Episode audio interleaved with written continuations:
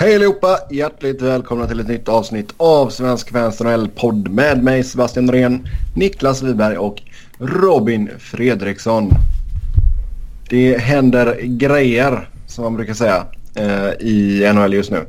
Vi har en hel del nyheter att gå igenom och sedan så ska vi diskutera era lyssnarfrågor. Som vanligt stort tack till er som har skrivit in. Alltid kul när det händer grejer, speciellt precis innan vi ska spela in också. Mm. Vilket är bättre än att det händer precis efter vi spelat in. Det roligaste är ju dock om det sker när vi spelar in så man får um, live-reaktionen. Mm. Det har väl hänt några gånger vi ser. Ja det har det gjort. Jag kommer inte ihåg vad det senaste stora var. Nej. Nej som sagt det händer lite grejer här nu. Eh, körschemat. Jag tycker att Niklas har lagt upp det lite konstigt idag.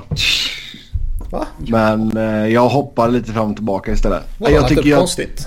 Men du lägger Ron Hextall sist. Nej, jag... Det hetaste egentligen. Det skedde ju för fem dagar sedan typ. Eller? Ja. Men eh, jag tänkte så att vi kör, eh, om vi börjar med det. Så kommer ju folk sluta lyssna när vi har pratat klart om Philadelphia. Ja, eller så vet eller kanske som... tre personer. Ja, eller ska Pontus folk... Wernbloom och Johan Gertner och typ en tredje. Ja. Eller så kan folk bara veta att från, liksom fem, om du spolar fram 15 minuter från nu liksom, då, då slipper du Hextall-grejen. Liksom. 15? Det räcker inte. Då kommer man mitt i den. Usch. Ja, men i alla fall, vi börjar med den. Philadelphia bestämde sig för att kicka Ron Hextall. Man gjorde sig även av med lite andra front office-människor. Och uh, nu pågår jakten efter en ny GM. Niklas, varför fick Ron Hextall kicken? Det eh, verkar ju som och eh, det har ju inte bekräftats men det har hintats om det och man kan läsa mellan raderna och, och lite sådana här grejer att eh, Ron Hextall tokvägrade att eh, inte släppa sin plan men eh, han vägrade tumma lite på sin plan och, och liksom och vad nu det innebar och göra någonting. Uh, management ovanför honom. Och det här var ju rätt intressant för i princip alla förutsatte ju att när man bytte ut Homer mot uh, uh, Hextall. Mm. Så förutsatte nästan alla att han fick sparken uppåt. Ja exakt. Han hade vilket, inte varit bra på sista tiden. Nej, vilket man ser här och där i, i ligan liksom. Eh, en, eh, en man vill vara lojal mot om man säger så. Istället för att sparka ut honom från organisationen så sparkar man honom uppåt och så får han någon... Han någon, sitter inte på besluten längre men han har någon form av vice president av hockey ja, också. Typ. Någon roll liksom. Typ. Uh, så. Som kommer ske med Ken Holland en dag till exempel. Ja. Om han hänger kvar i Detroit. Så var det dock inte här. Utan det var Homer själv som valde att släppa upp Ron Hextall för lag hade börjat kontakta Flyers om honom när han var assistant GM. Och med tanke på att det var Homer som hade plockat in honom med syftet liksom att vi, vi ska, eh, han ska bli min ersättare. Eh, så valde Homer själv att kliva upp och ge GM-titeln till, till Hextall för att behålla honom i organisationen. Och Homer tog ett, ett väldigt tydligt avstånd från hockey, alltså dagliga hockeyarbetet så att säga. Han lät Ron Hextall vara GM fullt ut. Vilket ju var liksom, det var inte den känslan man fick när, när Homer ersattes så att säga. Så det var ju lite intressant att se. Mm. Um, men... Nej, de tog in honom som assistant GM. Ett år. Så dröjde det ett år innan han promotades. Det kändes det som att det liksom, att han, han redan hade väntat länge då, Hextall. Typ. För att det, var, kändes som att den dagen... Alltså det, var, det kändes konstigt att han blev assistant GM när han kom. Att han lämnade samma jobb i Kings och samma jobb i Philly. Mm. Och det inte var att, ja men du kommer vara GM här om tre månader, utan... Sen det dröjde ett år. Det tyckte man kändes länge då.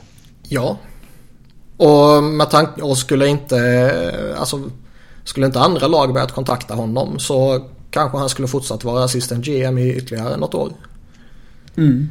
Um, men det, det, verkar ju sen i alla fall att när, när, management ovanför honom, Homer då och eh, Dave Scott som är eh, CEO i Comcast Spectacore som äger Flyers och då i, i Flyers. Som jag minns inte om vi har pratat om honom i den här podden eller om det var i Flyers-podden vi har diskuterat honom. Men man är lite osäker exakt på liksom Flyers chain of command. Vem var det som, vem är det som bestämmer i slutändan och, och vem är det som bestämmer att nu ska någon sparkas liksom. Är det Homer eller fick han sparken uppåt så att säga? Hur involverad är Dave Scott? Är Ron Hextall de facto den som sitter högst upp? Men är det Bobby Clark som tar beslutet liksom? Ja, exakt. Uh, men han, Dave Scott och Homer ska ju båda ha varit väldigt eh, involverade i det här beslutet. Och det ska ju vara för att Hextall när man är inne på år fem i en eh, retooling eller i ett retooling-projekt och man inte har tagit några steg. Så ville ju ägarna och sådär och Homer och liksom att eh, nu får du fan göra någonting, vi måste ta det där steget. Uh, och Ron Hextall i princip vägrar att tumma på sin långsiktiga plan som enkelt förklarat var att inte göra någonting. Det är väldigt diffust vad som var planen och vad det var han inte vill göra och sådär. ja, det kan man ju kan spekulera, spekulera i. Var det sparka en coach? Var det sparka assistant coach? Var det byta till sig en målvakt, center? Att det, gäller, alltså det känns ju väldigt enkelt att bara anta lite att det gällde om att Hextall inte ville sparka Hackstall och att resten av gänget ville det. Mm. Det känns lite så här, jag vet lite enkelt att bara slå fast att det var så. Sen har det väl eh, den utomordentligt fina Bill Meltzer skrev en väldigt eh, fin text på Huckabus. Om, eh, eh, ja, om läget liksom. Och eh, det finns, alltså Ron Hextall har det ju hintats om tidigare och mer eller mindre bekräftats nu var ju en eh, han skulle ju micromanagera så att säga precis allting. Uh, han styrde allting, minsta lilla beslut inom organisationen styrde han och han hade en en, eh, ja, en kärngrupp som i princip var de enda som han rådfrågade. Och det var ju Chris Pryor som var den här snubben som fick kicken. Assistant GM och sen var det Dean Lombardi när han kom in. Det var i princip de två som han anförtrodde sig till. Mm. Uh, han använde sig aldrig av uh, Holmgren, verkar det som. Och det finns ju lite det här när Homer ersatte Bobby Clark så klev Bobby Clark upp i hierarkin och var bollplank till, till Homer. När Homer undrade någonting så rådfrågade han Clark och så fick han råd och sen gjorde Homer som han själv ville. Och det är lite så det ska gå till egentligen kan jag tycka. Och det är lite så det verkar vara att så har det gått till tidigare i Flyers. Men när man då stänger ute både folk ovanför en och under en och bara anförtror sig till, till två personer. Eh, och det liksom inte blir bättre. Då är det nog en svår miljö att arbeta i. Mm.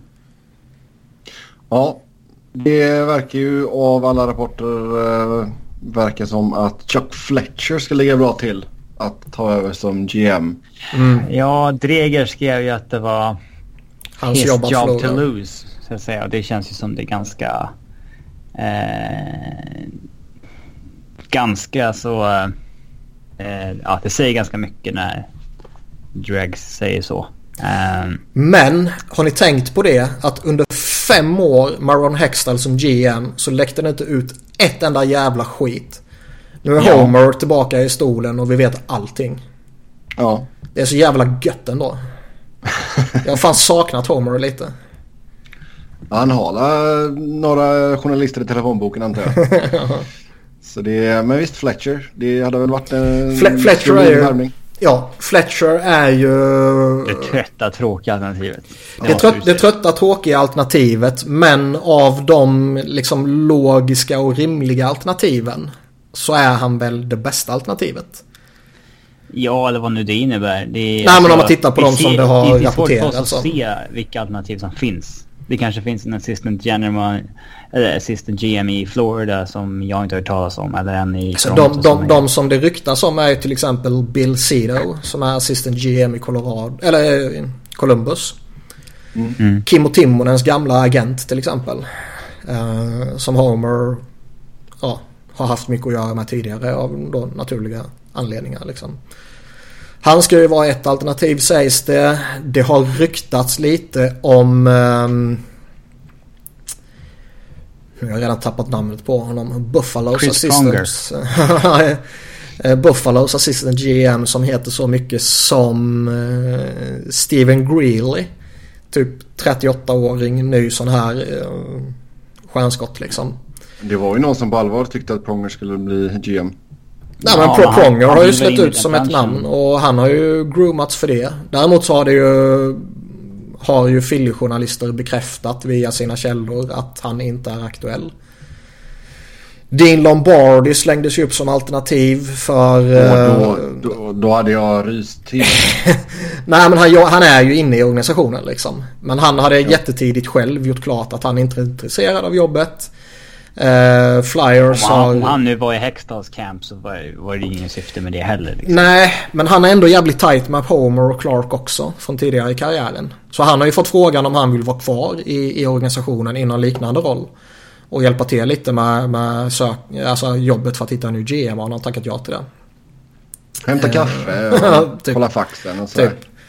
Eh, och vad har det mer uh, varit tal om? Det har varit... Uh, men just Ron, Ron Francis liksom. Vi kan ju garva mycket åt Dean Lombardi och sådär men mm. eh, det är ju... Det är, ju sällan fel att ha någon i organisationen som har varit i en bestämmande position i ligan i 30 år. Liksom. Det är mycket nej, nej. och Flyers har ju några sådana. De har Bobby Clark som fortfarande är involverad även om han inte är det lika mycket som tidigare. De har uh, Homer som har varit där jättemånga år. Man får mycket källor och, och kontakt via ja, sådana människor. Liksom, verkligen, verkligen. Uh, och Fletcher har ju, jag tror det var under en säsong, har han till exempel varit assistant GM till Bobby Clark.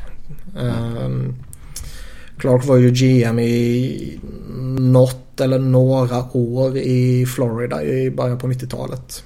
Och visst, det är ju en halv evighet sen, men ändå. Men det som också kom ut här i samband med Fletcher då, det var väl Adrian Dater som tweetade det, men just att Fletcher är polare med eh, coach Q. Och att... Alltså det känns ju som att oavsett vem som tar över så borde de ju kicka Hackstall. Ja, alla förväntar sig det. Ja. Ehm, de sparkade ju Gord Murphy. Kan du, in, som... kan du då få in Q på köpet där med Fletcher så det är väl inte helt Nej, nej det är ju guld ju. Men de sparkade ju Gord Murphy då som var um, assistant coach och som uh, ja, ansvarade för backarna. Och det ska ju ha funnits ett stort missnöje mot honom bland backarna till exempel. Och man undrar ju vad, vad han har gjort med tanke på att både Provorov och Ghost inte ser jättebra ut denna säsongen och Ghost eh, tidigare har liksom mer eller mindre gått ut och sagt när han hade problem för, för förra året eller vad fan det var. Och så sa han att äh, jag, jag slutade lyssna på folk och började spela mitt spel igen och helt plötsligt bara lossnade det. Mm. Um, och det, alltså, nu har ju Homer sagt att uh, våra nya GM får bestämma coachpositionen liksom. Men alla förväntar sig liksom och väldigt mycket tyder på att uh, man kommer byta ut coachen. Och det alltså... En GM ja, vill ju ha sin egen coach liksom. Friedman sa ju... Jag såg att han sa att... Uh, att han hade hört från den personen att Cubanvilles namn hade diskuterats i ja, Flyers korridorer men det var någonting Hextall ställde sig negativ till. Liksom. Ja, och Hextall, ska han vara ett sånt jävla control freak så uh, känns det som att Coach Q kanske inte tilltalar honom. Nej. Och Hextall har, han har verkligen kontrollerat allting. Han har eh, sådana här season ticket eh, träffar med, med liksom ledarstaben och, och säsongskortsinnehavarna. Eh, har han kontrollerat in i detalj vilka som ska vara där och vad de får säga och inte säga. Alla utom han och Hackstall är förbjudna att uttala sig. Han bestämmer, man måste liksom rådfråga han när bussen ska hämta spelarna när de ska åka någonstans. Och sådana där grejer liksom. Och han... Låter som en rolig jävel. Ja, och, och liksom han har ju... Det är ju han som har bestämt vilka assisterande coacher som Dave Hackstall ska ha. Hackstall har ju inte haft något att säga till om där egentligen. Vilket är relativt ovanligt. Mm. Eh, sen finns det också den här som, alltså. Han har ju stängt ut lite Flyers-familjen om man säger så. Gamla spelare som lite ambassadörer och sådana där saker som fortfarande rör sig kring laget och kan komma in i omklädningsrummet och tugga lite skit och sådana där saker. Han, de har han ju liksom petat ut lite sådär. Och det, det var ju någonting som Ed Snyder var jävligt noggrann med att den gamla Flyers-familjen ska alltid vara välkomna och alltid omfamnas. Och innan han dog, och nu låter det som att han gjorde det på dödsbädden men så var det ju inte utan det var liksom en tid innan han dog så att säga. Så ska han ju ha liksom fört det förtroendet och den önskan vidare till Homer. Att eh, det är viktigt att ni bibehåller det. Och så har inte riktigt blivit fallet här och så har Hextall stängt ute lite alumni-spelarna. Han har inte riktigt anförtrott sig till Homer som är hans närmsta chef och ska eh, detaljstyra minsta lilla grej. Eh, och sen så vägrar han då eh, ja, åtgärda problem som som övriga Men... ledningen tycker att det finns liksom. Och, ja. Då är det väl kanske inte orimligt. Alltså om, om, om, eh, om ens chef säger åt dig att göra någonting och du inte gör det. Då är det ju inte orimligt att man inte får behålla jobbet. Nej, men eh, om man ska balansera upp debatten lite så eh, har Hextall gjort fel då? Alltså alla är väl ganska överens om att han har gjort ett väldigt bra jobb på pappret liksom. Han har gjort ett väldigt bra jobb och eh, jag uppskattar honom enormt och jag tycker det är tråkigt att han får kicken. Jag tror att skulle han bara... Eh, jag tror att Flyers ser bättre ut idag än vad de hade gjort ifall Holmgren hade kört vidare fem år. Helt klart. Jag är helt inne på det och man ska inte bara sitta här och slänga skit på honom. Han har gjort jättemycket gott. Um, han har byggt upp, han har rivit ner och påbörjat ombyggnationen. Så han har inte riktigt lyckats fullfölja ombyggnationen. Och det är lite som vi har sagt ja, tidigare att det, på, det, det, är enkelt och... Tid, nej, det är ändå fem, fem, fem säsonger liksom. Det var ju nu det skulle lyfta. Det har man ju själv sagt liksom. Ja, men det kan ju fortfarande ha ett hack i skivan något år sådär liksom. Det... Absolut. Men eh, jag tror inte det är jättemånga organisationer som tycker att en rebuild får ta så värst mycket längre än fem år. Nej, visst. Men... Eh, men man säger, man säger liksom att... Eh, situationen han tog över var ju horribel liksom. Ja, ja. Men, men, sex, sju usla kontrakt man var tvungen att försöka Ja, ja. och han, han har gjort ett fantastiskt jobb i att, att rensa upp där och, och bygga om prospectspoolen och hela det här köret. Och Eh, tyvärr så, så lyckades han ju inte eh, låta laget ta nästa steg. Och det kanske skulle funkat om man skulle vänta ytterligare en säsong. Alltså vi har ju sett De har ju typ... inte tankat någonting liksom. Nej. De har ändå haft för slutspel vartannat år. Vi har ju och... sett typ Winnipeg gjorde ju något liknande. De bara väntade och väntade och väntade och väntade till man nästan började tänka att ja, ja, ingenting kommer ju hända. Och sen helt plötsligt bara exploderar de. Mm. Ja, det hjälper ju om de draftar två ett år också. Jo, jo. Vilket nu Flyers fick också i och för sig. Ja. Eh, men, men alltså det, det, det är ju... Så jag menar, det, det, funkar ju bevisligen.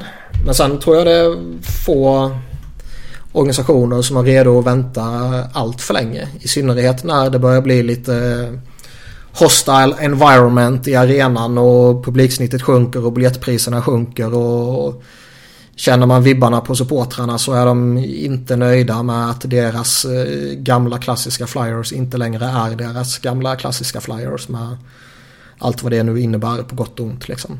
Mm. Det är ju bara Gritty som har varit bra den här säsongen. Nej, men lite så. Uh, vi kan ju säga att i uh, talande stund där så ligger man ju sist i Eastern Conference. Ja, och jag, jag tror att Ron Hextall fortfarande skulle vara GM om han skulle hanterat målvaktssituationen lite annorlunda i somras. Om han kanske skulle eh, gjort eh, någonting åt PK. Om det sen är att sparka Lappy eller det är att ta in en PK-forward eller vad fan det nu skulle vara. Eller om han skulle plockat in en topp 4-back liksom. Skulle han gjort någonting i somras så tror jag han skulle ha köpt sig ännu längre tid. Mm. Och jag tror det var lite att när, när liksom de märkte att okay, han är inte redo att liksom pusha det här laget till nästa nivå. Då kan, då liksom, då kan inte vi bara sitta och titta på att uh, ingenting händer. Liksom. Sen om det är rätt eller fel, alltså det vet vi ju inte och det får ju framtiden utvisa om det, vad som händer. Det, liksom. det är ändå ett Men... ganska dukat bord för nästa GM. Alltså, ja, det är ju ett jättefint jobb att ta. Visst. Eh, alltså... Det, ja, alltså. Han kommer definitivt ha fritt fram att byta ut coachen om han vill. Eh, och eh, visst, det är en målvaktssituation som behöver lösas. Men var, varje lag har väl någonting liksom som vad är det, en handfull lag i ligan som inte har något problem kanske. Och då kanske man uh, reachar lite. Ja, men det finns inga jätteusla kontrakt att ta hänsyn till. Uh, visst kan väl Voracek och JVRs kontrakt på sikt vara problematiska. Uh, men inte alls som när uh, Hextall själv tog över. McDonald har ju bara två år kvar nu. Det är ingen mm. fara där egentligen. Det finns en ung backhår att bygga kring. Uh, man kommer ha en elitnivå i Claude Giroux fyra, fem år till förmodligen. Och man har unga spelare att bygga kring i... Ja, Couturier bara 25. Uh, Patrick och Connecting liksom. Mm. Um, så det, det är inte så mycket som måste liksom... Alltså fixas så. Det är mer förvalta det som redan är på plats. Ja, men förvalta det som är på plats och ta eh, nästa steg. Uh, och som sagt, ta nästa steg. Kanske skulle det räcka att bara ha tålamod. Uh, Kanske. Bevisligen så var ju inte organisationen redo att låta det fortsätta. och vad det nu innebär, innebär det att gå efter en topp 4-back? Innebär det att Innebär det att man försöker få in en målvakt? Innebär det att man ska gå efter en andra center eller en tredje center? Eller innebär det att man ska gå efter allting liksom? Eller innebär det bara ett coachbyte? Alltså, det kan man ju diskutera in i oändligheten. Men som Robin sa, jag tror det är ett väldigt attraktivt jobb. Han drog allt det där med bra core, bra prospects, det är bra Kapp-situation. Det är en organisation som är ekonomiskt väldigt välmående och som har pengar att spendera. Liksom. Man kan betala eh, ligans dyraste coach och sådana där grejer. Ja. ja, frustration över en målvaktsfråga som förmodligen inte är supersvår att lösa. Om man löser det ändå har man väl köpt sig bra med tid ganska snabbt. Liksom. Ja, och, och, och liksom frustrationen över målvaktsfrågan är ju lite förenklat resonemang kanske mestadels att eh, hitta någon som kan komplettera Brian Elliott. För Elliott ja. har varit en jättebra målvakt under de förutsättningarna som finns med prislapp och sådana där saker. Problemet är bara att han, han är ju inte en målvakt man kan förlita sig på att han spelar 60-65 matcher. Utan han spelar kanske en halv säsong numera. Och då måste man ju ha någon jämte honom eller bakom honom eller hur man nu vill formulera sig. Som kan gå in och ta resterande arbetsbörda. Det kan inte Mikael Neuwerf för han är skadad ännu mer än Brian Elliott. Eh, Lion och Stålarts eh, är väl inte redo för så stor roll ännu och Carter Hart är det inte liksom. Eh, och hitta den målvakten ute i ligan tror jag varken är svårt eller dyrt. Mm. Mm. För det är ju inte en... eh, Det är inte Henke Lundqvist man behöver gå efter liksom. Nej, Nej, vi kommer till det lite senare här just kring målvakter. Eh, nu har vi varit ganska positiva här så då, nu får vi ta och negga lite. Vad, vad tror vi händer med Ron Hextall? Han kommer hitta ett nytt jobb. Han får något jobb någonstans, det tror jag. Jag tror alltså, det, det som är intressant också. ehm, Det är en kille som verkligen har, alltså han har haft ett sikte på att bli general manager i ligan. Har haft drömjobbet i Philly. mm, Det är, han kommer inte sluta med det. nej. Det, det känns som att han kan bli en sån här karriärist-GM. Som, alltså lite Brian Burke. Men, från organisation till organisation under lång tid. men du, jag kommer att tänka på det här nu. Skulle inte han kanske vara bra att slänga in i Seattle då? Kanske, men jag tror de absolut. kanske går efter mer erfaret namn sådär. Jag har redan pratat som Ken Holland där. Jag kommer att tänka på Avs nu när vi snackade om det för att han har ju... Han var ju Nordiques, han har ju lite ties till Colorado-franchisen så. Mm. Eh, och det har... Jag menar, Avs bad ju om att få prata med Kyle Dubas för några år sedan eh, i syfte av att Joe Sakic inte riktigt vill vara GM egentligen liksom. Eh, så att vi... Det kanske inte är en omöjlighet.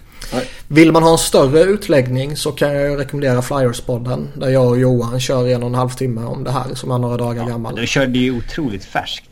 Ja, Med Det är ju- lite info på... allt. Vi körde det samma dag som det kom ut ju.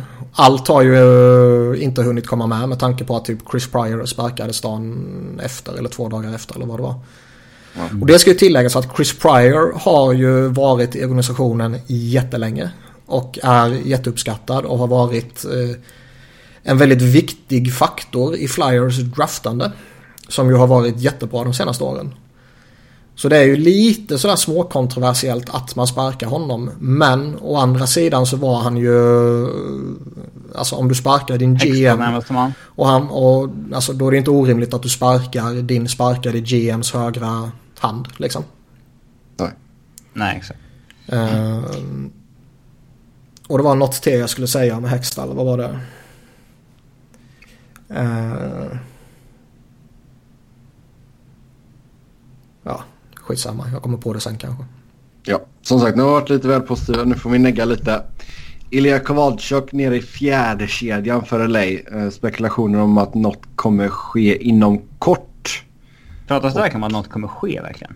Jag hoppas att det som sker är att man kastar Desjardins åt helvete. Det var någon som sa, och jag minns fan inte vem det var. Eh, det, kan ha varit, det kan ha varit allt ifrån liksom Elliot Friedman till Dave Pagnotti, eller vad fan han heter på The Fourth Period och sådär. Det var liksom inte Eklund. Men, men det var någon liksom journalist så att säga. Håller Eklund fortfarande igång? Ja, givetvis. Jag bara slutar följa honom kanske. Ja, Nej, jag följer. Men det var... Han, eh, han dog ju lite när eh, Hextall stängde Flyers för honom. Och se vad som händer nu när Homer är tillbaka. men men um, det var någon av dem som sa liksom att ja nu, nu Willie Desjardins och han satt honom i fjärde kedjan. Det här kommer inte hålla. Någonting kommer hända. Vi får se vad det är som händer. Och det kan vara allt ifrån att Eh, Robert Blake eller någon annan högt upp i hierarkin beordrar eh, Desjardins att upp med honom i, i kedjehierarkin liksom. Du, det här är ingenting du kan göra. Det kan vara att man byter ut coachen. Eh, han blev ju trots allt bara interim coach liksom. Hoppas, hoppas, hoppas. Och det kan ju bli en trade. Ja. Men det hade varit ett rejält misslyckande för Blake också, tror jag. Det hade väl varit ett rejält misslyckande för alla. Däremot snackas det ju att eh, Kowalczyk och, och familjen trivs jättefint i LA och att de kanske inte nödvändigtvis vill lämna stan så liksom. Att de desperat vill bort så att säga. Men man kan ju inte fortsätta spela honom i fjärde kedjan. Nej, alltså det är ju helt, Inte med det jävla skiten man har framför honom. helt bananas. För var det, jag tror det var E. Fallow i första. Och sen Kyle Clifford framför honom. Och sen var det... Vem kan det mer ha varit? Kan det ha varit Kempe? Dustin Brown kanske? Jag vet fan. Men det var liksom en som var kanske fair och sen var resten skit. Om man tittar på de left-wingers som var före honom. Ja, alltså du har, du har och Clifford Wagner. Ja, så var det. Hans gamelog här visar senaste matchen mot Vancouver spelade han 9 minuter. Den innan det spelade han 6 och 20. Mm. Eh, det kommer inte hålla. 6.20 har han ju förmodligen aldrig någon som tidigare spelat i sin karriär. Kommer om det är så... Devils och leder sig 27-28. exakt. Enda gången han spelat så lite tidigare har han fått avbryta en match på grund av skada ju. Mm. Och, och det, sen, det, är äh... jättekonstigt. Man har liksom problem att göra mål. Man kan inte göra mål. Och man sett en av sina få utpräglade målskyttar som... Äh, ja, en av historiens bästa målskyttar. Mm. Plus att du sätter honom i andra PP-uppställningen också. Mm. Han hade konstiga uttalanden också. Om att liksom, ja jag, ja, jag satte honom där och eh, där kommer ju inte han göra någon nytta liksom. Mer eller, mer eller mindre. Nej, jag, jag tycker det är, det är helt mindboggling. Alltså jag blir riktigt förbannad på honom. Mm. Jag, jag, alltså det är... Uh, egentligen borde man ju snacka med några gamla Canucks-supportrar och sådär under tiden han var där. Men liksom, det, han verkar ju helt stollig. Ja. Så uh, ny tränare fort som fan. Mm. Och det är samma sak, liksom, tradar du bort Kowalczyk nu då kommer du bli tvungen att sälja honom billigt. Fast ja, fast det, det, LA är ju en intressant situation. Uh, det känns, alltså om man jämför Philly och LA så visst det är bara tre poäng som skiljer dem åt. Men det känns som att Flyers har mer kontakt uppåt. Ja herregud. Alltså, än vad LA har. Mer, mer realistisk kontakt alltså. Och jag tror Philly har större potential i sitt lag än vad LA har faktiskt. Oh ja. Så Philly alltså, kan, kan ju fortfarande liksom ha ambitionerna att lösa någonting den här säsongen. Men man kan ju faktiskt då argumentera för att LA ska skita i det här året. Och, och man, om inte Desjardins liksom förstör spelare som det är väldigt viktigt att ha med sig in i framtiden. Typ Kopitar och Dowdy och kidsen som man har och lite sådana där saker. Så kan man ju faktiskt låta han köra säsongen ut. Och sen till sommaren när det finns ett större utbud av coacher göra bytet. Alltså, fan, kommer du ens göra det då? finnas ett större utbud. Kanske, kanske inte. För alltså, Ska man offra ett till år när man har en åldrande core? Nej, jag vet inte. Men det kanske... Kommer man få någon skillnad detta året? Eller är det liksom... Tittar man på vad som finns tillgängligt nu. Coach Q. Ja, han är ju körd för han kommer ju signa för Philly liksom. men och, och, nej, skämt åsido. Men är han överhuvudtaget intresserad av att gå till LA? Rimligtvis inte tycker man ju. Uh, är det så jävla sexigt och... Jo, givetvis. Men är det så jävla sexigt att gå över efter Mike Joe och Todd McLellan och sådär? Eller kommer det finnas bättre alternativ till till sommaren? Sen kan man givetvis också tänka då för att... Ja, om, om vi känner att vi vill ha Todd McLellan och uh, vi tar in honom nu så har han nästan en hel säsong på sig att uh, sätta kommande säsong. Ja. Så det finns ju fördelar i, i det också. Det beror ju egentligen till stor del på vad som finns där ute och vad man vill ha och uh, vad som eventuellt vill komma till LA. Vad som helst förutom Desjardins känns det ju som i det här läget i alla fall. Mm. Och det känns... Ja, vad ska jag säga? Lite väl snabba på att sparka Stevens där med fast i hand. Alltså... Mm. Skulle ja, haft någonting... Alltså, när man tar in interimcoach då är det ju liksom för att... Uh, han fick ju inte titeln interimcoach i och för sig. Men eh, alltså...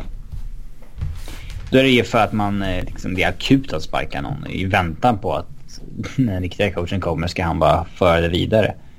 Men man hade ju kunnat hålla kvar vid Stevens tills man hade något ordentligt på plats. Det är lite så folk resonerat kring eh, Flyers nu. Att ingen förväntar sig att Dave Haxnall ska överleva nästa GM. Eh, I synnerhet inte när det tuggas ännu mer om coach Q nu.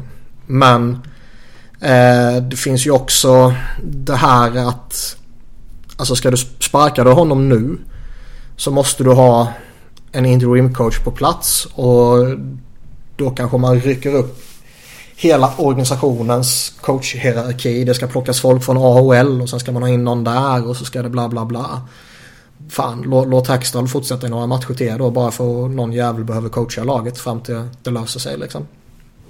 Ja, alltså Philly är ju inte fritt fall. Nej. Det är ju, de vinner varannan match. de håller sig i den. Man håller sig flytande. Ja. Mm. Men eh, som sagt, Kings, äh, det ser riktigt rötet ut faktiskt. Ja, det ser inte bra ut. Men det känns väl som att eh, någon, någon trade kommer ju ske. Det skulle ju inte förvåna om eh, LA river ner det här. Och då menar jag inte att man skickar iväg Drew Dowdy och Ansi Kopitar. Utan det blir kanske att Ilja Kovalchuk får flytta på sig om han nu vantrivs liksom. Och då blir kanske att man skickar iväg en Jake Massin eller Alec Martinez. Och jag tror båda de två som jag har sagt tidigare skulle ha ett, ett bra värde på marknaden. Det är Ja, två, det två, de. två gedigna backar som kommer till, med en bra capita. Mm. Jeff Carter. Ja, men vill man släppa honom? Det vill man kanske inte. Han är fortfarande prisvärd och ett rimligt kontrakt jämfört med många andra där. Jo, men jag tror du så få... Han har väl nästan... Ja, Massin kanske har störst trade value av dem. Det tror jag. Men sen är det nog fan Carter. Och sen skulle jag säga Martinez och sist Kowalczyk. Ja, det där tredje året tror jag skrämmer bort lite folk. Ja. Ja, vi går vidare. Carl Alsner gick igenom waivers. Chockerande. Alla är helt förvånade förutom ja. Bergevin typ. Ja, Alltså man visste ju att det var ett dåligt kontrakt när de signade men man är kanske förvånad att han redan nu, ett år efter det, befinner sig i AHL. Det är man ju. Ja. Så, alltså nog för att man såg att det här skulle vara dåligt och man såg att det inte skulle vara hållbart en längre tid. Men eh, redan nu såg man ju inte. Nej, alltså ett eh, typexempel på en defensiv back som är överskattats för att spela in vinnande lag. Och eh, den biten. Men att, att han skulle dels inte ens platsa i Montreal. Och dels att de ska inse det själva liksom. Mm. Och inte bara köra, rulla på med honom. Och dessutom ta steget att skicka ner honom till AHL. Det, det är ändå fascinerande. mm. Så Alsner är ner till Laval och man skickar även ner Victor Meta här nu också. Men det är kanske mindre kontroversiellt. Det är ändå en ung lirare och sådär liksom. Ja, ja. Jo, jo, han kan säkert gynnas av att spela i AHL. Mm. Det är väl inga problem. Sen Chris Wideman gick till Edmonton och i utbyte så fick Ottawa ett conditional sjätte rundsval. Tror ni han tog en Uber till flygplatsen? Det känns som han hajar vad det berodde på. Det, det, det, dels så Edmonton sägs ju ha letat efter någon lite mer puck-moving defenseman. Och, Ögafatt och så vidare. ja, och så vet man vad som hände i, ehm, i Ottawa så känns det som en rätt eh, logisk eh, trade kanske. Ja, får han lite billigare nu också. Ja, nej, och jag menar han är ju ingen som eh, lyfter dig så att du blir en supercontender helt plötsligt. Men solid spelare liksom. Typ. Ja. På, eh, när vi är så inne på backspåret här så Pittsburgh har ska försökt få in Brandon Montour. Ja, och ytterligare något lag ska ha kontaktat Anaheim för honom och han är ju en jävligt intressant spelare. Oh ja. Men det känns ju också som att Anaheim... eh, Varför ska man släppa honom för liksom? Nog för att de kanske behöver lite offensiv hjälp och nog för att eh, jag kan tänka mig att vissa lag försöker eh, eh, få dem till att panikagera. Att eh, försöka plocka en Josh Manson eller Brandon Montour eller något sånt där kanske. Eh, genom att erbjuda någon ja, någon duglig forward sådär. Eh, Högersidan är ju tryggad nu med Jake Dotchin liksom. Ja, Andrei Suster. Men det är ju inte... Alltså det, ja. Jag skulle Det är inte det är släppa en spelare de borde hålla det är fast vid och Ja, exakt. Jag skulle, inte kring, släppa, liksom. jag skulle inte släppa honom om det inte är så att man får något superfint utbyte. Nej. Om man har något jävligt bra att bygga på med Manson och Montour och Fowler och eh, Lindholm. Där är det egentligen, ja det är väl Cam Fowler som kanske är i dyraste laget. Men Lindholm sitter ju på ett eh, fint kontrakt och Montour är ju 3,3 lite drygt i, i ytterligare ett år och Josh Manson bara 4,1 i ytterligare tre säsonger. Så det är ju bra backar på bra kontrakt. Oh ja. Ja, sen kanske inte rätt, rätt läge just nu när du både har Fowler och Lindholm på IR också. Nej, Och det är, så, det är inte så att, nog för att de behöver lite offensiv hjälp kanske. Men det är inte, alltså, de är ändå topp tre i Pacific i talande stund. Så det är inte så att de... Det är inte LA eller St. Louis där man kanske börjar eh, fundera över att, jaha, ska vi ge upp säsongen och börja trada liksom. Nej, det är helt sant. Alltså från Pittsburghs sida så fattar jag varför man går efter en sån spelare. Det... Ja, ja, de behöver förmodligen någon boost kanske. Och... Eh, vad fan var det som Schultz blev skadad så... Ja. Jo, det är ju Letangos och inte mycket mer. Ja, lite så. Yes, sedan så uh, spekulationer om att Peter Chiarelli kommer vara more bold inför trade deadline. Fan vad vi älskar det. ja, han ska ut och höfta och svinga här nu. Det känns bra. Mm. Jag hörde hur någon han... gnuggade händerna i uh, förtjusning. Ja, vad kan han ställa till med här? Ja, alltså vad, kan, inte... vad kan han slarva bort här nu från uh, Edmonton? Alltså många säger Allt. att hans jobb är liksom in danger. Och då är det väl klart att han kommer inte kunna luta sig tillbaka. Han måste Nej. göra någonting. Eh, någonting bold. Och jag hoppas att det faller ut väl den här gången istället för tvärtom. Mm. Eh, Skicka Talbot. Talbot. Talbot ryktas det om faktiskt ju. Att han kan mm. vara på marknaden. Uh, och det har det ju, hans namn har ju ploppat upp lite här och där tidigare också. Så det, det behöver ju inte vara någon uh, ny development där i brist på något svenskt ord som jag kom på när vi pratade nu. Men det har ju pratats lite också om att uh, han var ju själv ute och pratade om att uh, nej men våra backar är inte tillräckligt bra packmovers. Okej, okay. då trots, kommer han slarva bort Darnell Nurse då. Nej men liksom. Jag menar mer att det kanske är eh, en sån back han försöker gå efter. Ja. Ja, Nugget Hopkin kanske är aktuell för någonting. Ja. Puljujärvi kanske är aktuell. Um, har inte så mycket mer att trada nu längre. Nej. Um, Nej för det känns ju som att McDavid och Dreisaitl de flyttar du inte på. Nej, kanske man börjar flytta draftval och sånt. Men... Mm. Ja, det är, alltså det är ju mm, oförskämt dålig trupp de har faktiskt. Trots att man har McDavid och Dreisaitl. Men bakom där är det sisådär. Nej, så är det ju. Men det vore ju skoj om han... Eh, alltså att han går för att rädda sitt jobb. Ja. Jo, men det är som sagt det är ju inte konstigt. Han, alltså, han bör ju ligga riktigt pyrt till. Ja, händer ingenting så bör väl han få lämna till till... Eh, eh, vad heter det? Till sommaren. Mm. Ja, det är helt, helt sant. Eh, Boston letar forwards hjälp och Jan Kovar ska ha tränat med laget. Ja, han... Eh, när Islanders dumpade honom så eh, gjorde de ju det typ med avsikten att han skulle sticka hem till Europa. Men han sa ju i helvete heller och signade för Bostons farmarlag. Har ju spelat där och har väl inte gjort succé men har inte varit usel heller. Uh, Goa Janne. Janne ja. K.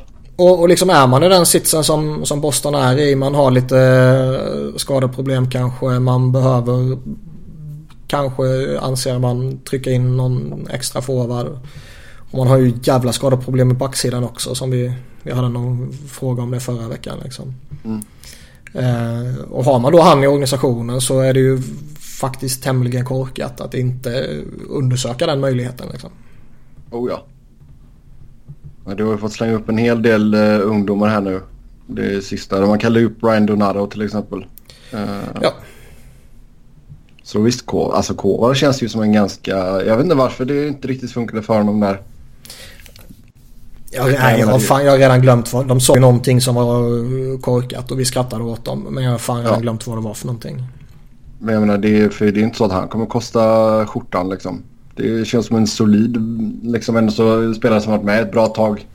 Ja, alltså, jag, jag säger inte man ska signa honom. Men att plocka upp honom och låta honom träna med laget som han har gjort nu är ju... Skulle man inte gjort det när man har tillgång till honom så skulle det vara jävligt korkat. Mm. Sen alltså. Det kanske inte alls ser bra ut och man kanske inte alls vill signa honom. Men, och, nej, fair enough. Men då har man i alla fall testat ett eh, inom citationstecken gratis alternativ. Jo. Men som sagt, jag tror inte han skulle kosta mycket. Jag tror han skulle vara helt, helt okej. Okay. Det är inte säkert att han skulle bli en hela stjärnspelare men en, han borde kunna ta en tröja liksom. Ja, det borde han ha gjort i Islanders också om det inte är för att oh, Uncle ja. Lou är Uncle Lou. Ja, det är helt, helt sant. Yes, eh, ska vi se här. Scott Darling på Wavers. Ja, eh, det kändes som det var att, att han kunde studsa tillbaka i år. Det kändes när man såg någon matchinledning på säsongen att potentialen fanns där men eh, man kan inte hålla sig under 90 procent i räddningsprocent under så lång tid i ligan och inte... Alltså det är... Ingen, ingen kommer att tåla mål med det. Mm. Eh, så att... Eh, ja. Det enda man tänker här är ju om Flyers plockar honom eller ej. Om jag är Flyers så har jag is i magen. Två kvar. Och ja, men om jag är flyer så är jag is i magen och ser om han går igenom eller inte. Och går han inte igenom, vilket jag, eh, jag, jag tror han inte kommer gå igenom om inte flyers tar honom så att säga. Eh, så skulle man försöka få till en trade med Keynes i så fall då typ retaina 50% eller någonting. För Scott Darling på ytterligare två säsonger på 4, vad han nu har. 4,15. Ja, det är ju för mycket liksom. Men kan man få uh, Darling på två, två. år och två komma någonting. Det är ju inte uh, jätteilla. Alltså det är fortfarande inte bra. Men det är ju inte lika dåligt. Nej, och uh, vad finns det mer? Den, Cam Talbot har placerats in i, i Philly till exempel. Uh, men även om det är Chiarelli du pratar med så kommer du ändå få ge upp någonting för honom. Och han är pending UFA och så ska man kanske förlänga med honom i så fall och så blir det, ja du vet, sådana där grejer. Men kan...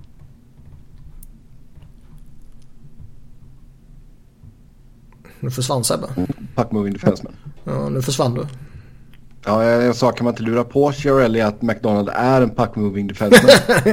jo, det kan man säkert. Du visade honom highlights från typ tio år sedan. Ja. Nej, det kan man säkert. Men... Uh... Jag vet fan, alltså jag har ju inget emot Cam Talbot så, men... Jag vet inte om jag vill betala så värst mycket för att ta in honom.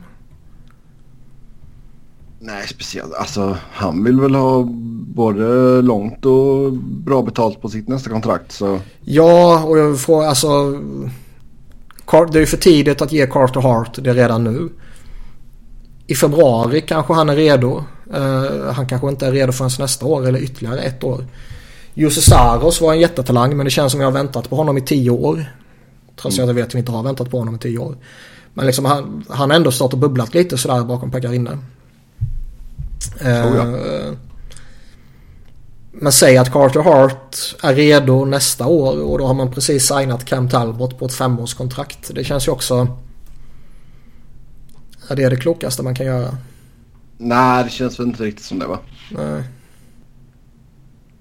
Det tycker jag inte. Talbot, visst solid men det är ju samma sak där. Jag tycker inte han är... Han är ju inte en målvakt som jag tror det går att vinna med. Det tror jag faktiskt inte. Kan man Nej. vinna med en Talbot? Jo, det tror jag. Men jag tror inte det är han som går in och, och lyfter flyers på det sättet. Och Nej. Det kanske han... Man betalar något liknande pris för att man kanske då förväntar sig att han ska göra. Ja, men är det, är det den målvakten flyers ska gå efter då? Den som kan... Nej det, säger, det säger, nej, det säger jag inte. Men jag tror att han kanske kan ha en prislapp i närheten av vad många då kommer applicera de förväntningarna på honom. Ja. Uh, det, det tror jag också. Craig Anderson har det, hans namn har lyfts lite. Jimmy Howards namn verkar ju vara ute där även om det sägs att Detroit vill förlänga med honom att han kommer vara snordyr om du ska trada till dig honom. Mm. Och, alltså, av de målvakterna som är tillgängliga så det är inte många som attraherar mig alltså. Och kan man då få in en Scott Darling som faktiskt hade, gjorde det bra i, eh, i Chicago. Och kan man få honom och Carolina retainar 50%. Är det så jävla illa? Nej det är det kanske inte. Ska man då nöja sig med utvärdering? Är det så jävla illa? Nej det är det kanske inte. Det ska man kanske inte göra heller. Nej. Men man har ändå Carter Hart som man får ha, måste ha med i, i planerna liksom. Ska vi säga här dock att han har varit relativt katastrofusel hittills i AHL? Ja. Med tanke på hur mycket du har hypat upp honom. Ja, Under år, absolut. så. absolut. Så Men att folk som det, lyssnar vet att han, han står inte direkt och eh, stänger... Ja, shutting the door så att säga i AHL just nu. nej, nej, han har problem där nere och, och sådär. Men eh, Ja, Det det är inte så att det, han väntas kallas upp när som helst i princip. nej, nej, man kan inte, nej, nej. Ka- Kalla upp honom nu med tanke på vilken jävla tire fire flyers är och med tanke på vilken säsongsinledning han har. Det gör man ju inte. Om det inte är så att man får tre målvaktsskador i, imorgon. Jo. Ja. Ja. Vilket man inte kan utesluta med Elliot och. Neuver i och för sig. Vad är statusen på hela gänget nu då? Elliot är skadad. Vad sa du? Eh, Neu- Vad är statusen på hela gänget nu? Elliot är skadad, Neuvert är skadad. Pickard är wavad och upplockad av Arizona. Elliot är väl, eh, han är, han är ju igång och tränar liksom. Så det känns som att han mycket väl kan spela på lördag mot Pittsburgh. Uh, Neuwerf är skadad och det känns som att det har snackats om att eh, han är snart redo för att spela igen i en halv evighet. Anthony Stallars är uppe och spelade ju senast. Alex Lyon hade något, uh, något lite skit men är nedskickad igen. Eh, och Hart eh, ja, är där nere så att säga. Vad är Felix nu för tiden? Spelar i HV71. Också dålig säsong. Alltså? Under 90 procent. Knackigt Ja, HV71. Ja. Yes, eh, vi kan väl ta den då. Man wavade Picard, Arizona plockade upp honom på grund... Där är också målvaktsskador. Både Ranta och Darcy Kemper är skadade just nu. Fan Picard, alltså att det har gått så illa för honom alltså. Jag tycker... Jag, jag, hype ja, för några år sedan och med rätta med tanke på hur bra säsong han hade i Colorado liksom. ja, jag kommer ihåg det ryktades jättemycket då om att eh, Ron Hextall var jävligt sugen på honom liksom.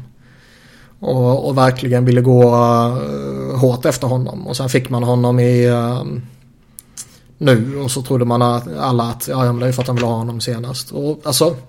Fan, har du massa skadeproblem och du behöver eh, en kortsiktig paniklösning. eh, alltså jävligt billigt. Ja, det var inget fel med att ta in honom. Nej, då är det kanske fair att ta in honom. Men han har ju inte varit bra. Han har varit riktigt dålig. Och när då de andra är tillgängliga igen så ja, det är klart du kan skicka han åt helvete. Han plockades ju av Vegas under expansionsdraften och man, vet, man kommer ihåg att det kändes riktigt bittert för Avs att tappa honom liksom typ gratis. Ja. Eh, och man hoppades ju typ att Vegas skulle ta Carl Söderberg eller dylikt. Vilket de då inte gjorde med tanke på att Pickard var tillgänglig. Men liksom, fast i hand. Söderberg hade ju haft en skitsäsong men nu är han ju återigen den här spelaren som gör 40-50 poäng per säsong och en solid tvåvägscenter. Uh, nej, ytterligare ett, en del av Vegas historia där de valde fel men det blev rätt. Allt worked out for them. Mm. Ja, nej som sagt jag tror Pickard lär väl hamna på waivers ganska snart igen nu så fort Ranta och Kemper är friska igen. Ja. Alltså han är ju en bra AHL-målvakt. Och han kanske är ett OK tredje alternativ. Men Ja. han är ju ingen NHL-målvakt. Nej, och jag tror de har väl... eh, De har ju Aiden Hill och någon mer tjomme där som de ändå så vill ge lite speltid i uh, Tucson. Tucson. Tucson. Så eh, nej jag tror... Ja, han kommer vara där lite tag och sen är det kött och hej igen. Så, så är det med det i alla fall. Patrik Malö blev tidernas elfte spelare att spela 1600 matcher i ligan. Grattis till honom. Det är respekt. Det är fan Oh ja. eh, fint sällskap han eh, joinar där. Mm. Han ser helt okej ut fortfarande trots sin ålder. Ja. Mm. Så det blir nog några matcher till för honom ska vi allt se där. Eh, det ska inte ha varit något större intresse för Jeff Skinner i somras. Men nu är han ju stekhet. Ja, och det är fan konstigt. Um, nog för att det har ryktats lite om honom. Att lite attityder och sådana grejer. Uh, och vi vet ju att sån, när en sån grej sprids i hockey-communityt. I liksom ligans GMs WhatsApp-grupp. Så är det nog många som skräms bort.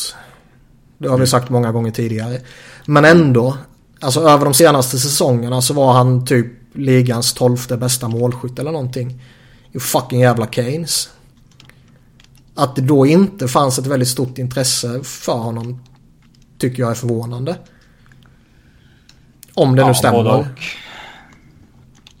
Sen är det ju en, en sån där spelare som...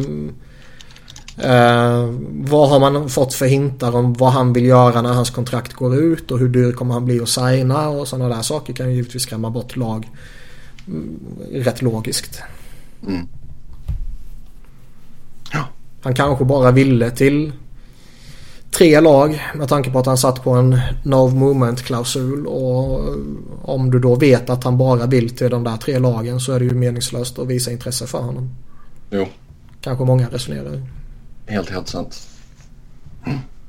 Sen ska vi ta det senaste i William Nylander-soppan här. Eh, det spekuleras om att det är 6 år och 6,9 miljoner som gäller. Eh, Elliot Friedman gick ut idag, var det idag eller igår? Uh, och sa att även om Toronto signar Nylander så tror han att det kommer vara hans sista säsong som en Maple Leaf. Ja, det är ju märkligt för om man får honom på 6,9 samtidigt som Marner ska ha 10 plus eller någonting. Då är inget snack om vem jag hade tradat. Och alla tycker det är så jävla fair att Marner får de pengarna. Mm. Ja. Alltså, nu, nu kom ju Pierre, Pierre LeBrun kom ju här precis innan vi spelade in också och, och sa att eh, Toronto har börjat höra av sig igen till, till intresserade lag för att kolla läget på, eh, kring en trade. Mm. Ja, men det, det måste här, man väl med så här tid kvar. Ja. Det, ja, men det, vi snackar väl, det är väl mindre än 48 timmar kvar nu. Det, Nej. Är det inte? Det är 53 timmar och 45 minuter. Och jag såg någon skriva att det var with 50 hours left för ett tag sedan. Men... Ja, det är eh, fem, klockan fem eh, Eastern. Just nu när vi spelar in detta. Just nu, just nu så är klockan kvart över ett Eastern. Nej, klockan är kvart över sju. Nej, klockan är kvart över ett. Klockan är kvart över sju på östra Sverigekusten. ja. Nej, men det är, det är 5 PM Eastern. Uh, som gäller på lördag.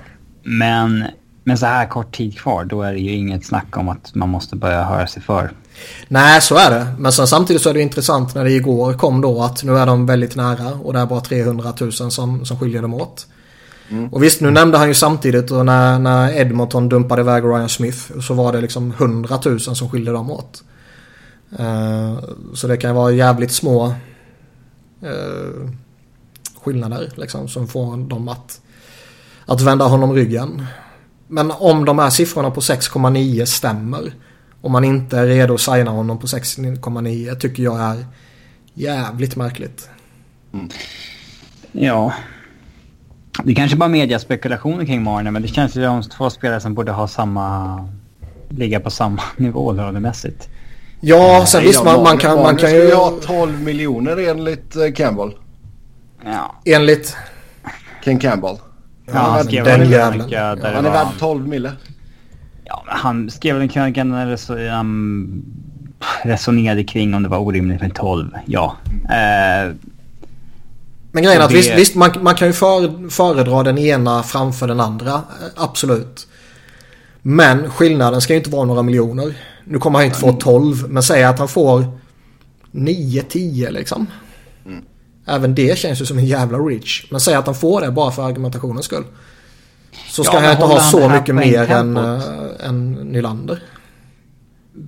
Alltså problemet i jämförelsen är ju att Nylanders kontrakt gick ut innan den här säsongen. Ja. Medan Marner har kunnat spela den här säsongen och levererat det han har gjort. Det kanske Nylander, Nylander kanske också ligger på 36 poäng på 26 matcher som Marner. Det är ju groteskt bra såklart. Han har haft 37. Kanske. Jo, men det, vi, vi har fått en liten eh, lyssnarfråga om detta som vi kommer ta alldeles strax. Så eh, nej, det är intressant alla fall. Men vi får se vad som händer här. Men nu... Det enda jag kan säga, det, det, är som jag sa förra veckan också. Under inga som helst förutsättningar får Toronto låta honom sitta denna säsongen. För man ska utnyttja de billiga åren på sina bästa spelare och man kan inte slänga bort det sista året på Matthews och Marner. Genom att bråka med William Nylander och låta honom sitta ut hela säsongen. Man måste signa honom eller så måste man trade honom. Mm. Annars gör man fan tjänstefel. Yes. Sen Nick Smoltz gick till Arizona och utbyttes fick Chicago Dylan Strom och Brendan Perlini. Och två projekt som inte riktigt har blommat som de... Ja, två projekt mot ett projekt. Två projekt mot en spelare som vi ser ungefär vad han kommer... Lite mer trygghet i vad han kommer vara. Ja. Jag för mig, jag läste någonting också om att eh, kontraktsdiskussionerna med Schmaltz och hans agent inte hade gått så bra som Chicago hade hoppats. Vad det Nej. innebär har jag ingen aning om för jag såg inga siffror. Nej. Men han... Eh, vad har han för status? Han är ju eh, RFA nu efter säsongen. Och ska väl upp på några miljoner.